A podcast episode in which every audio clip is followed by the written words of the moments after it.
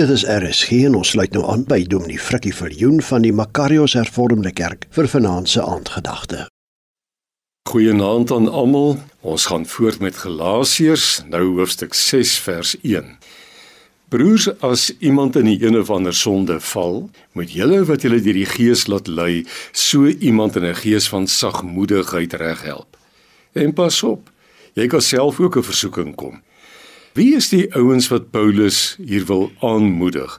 Is dit die ouens wat in een of ander sonde geval het? Die ou wat gesê het hy gaan die naweek weg vir werk, toe spandeer hy die naweek saam met sy flerry? Die ou wat belasting ontduik het en voor stok gekry is?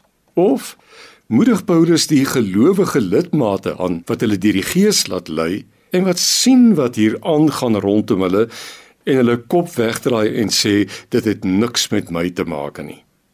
Weet jy hoogmoed, selfsug en selfverheerliking, die ego, sien ons in die brief van die Galasiërs, is die virus wat alle morele siektes in hierdie wêreld veroorsaak. Dit was al so vandat Adam en Eva van die vrug van die boom van kennis van goed en kwaad geëet het. Hulle wou self soos God wees in plaas daarvan om op God te vertrou. En dit is waar alle korrupsie en diefstal en vertrapping van mense buite egtelike verhoudings, gierigheid, terrorisme, noem maar op, waar dit alles vandaan kom. En dit sal so wees tot en met die wederkoms. Daar is net een basiese morele kwessie wat aangespreek moet word.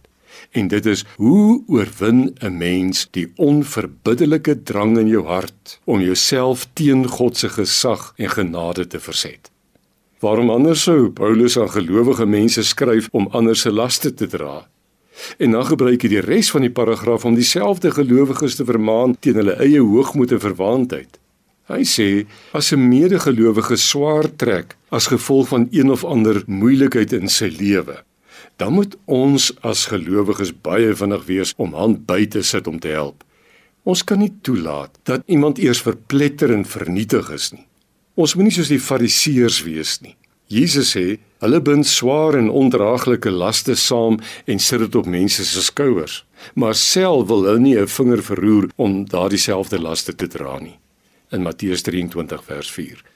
Moenie mense se swaar kry vir hulle nog erger maak nie. Moenie as iemand lê om nog in die gesig skop nie. Steek 'n hand uit en maak sy swaar kry net 'n bietjie makliker. Kom ons bid nou saam. Here vergewe ons dat ons so selfgefokus lewe en dat ons eie belang vir ons altyd vooropstel selfs wanneer ons ander in nood sien. Ons bid vir nederigheid. Ons bid vir 'n onselfsugtige liefde in ons hart dat ons waarlik verskil sal maak in u koninkryk en ook in die lewe van ander mense. Dit bid ons in Jesus se naam. Amen.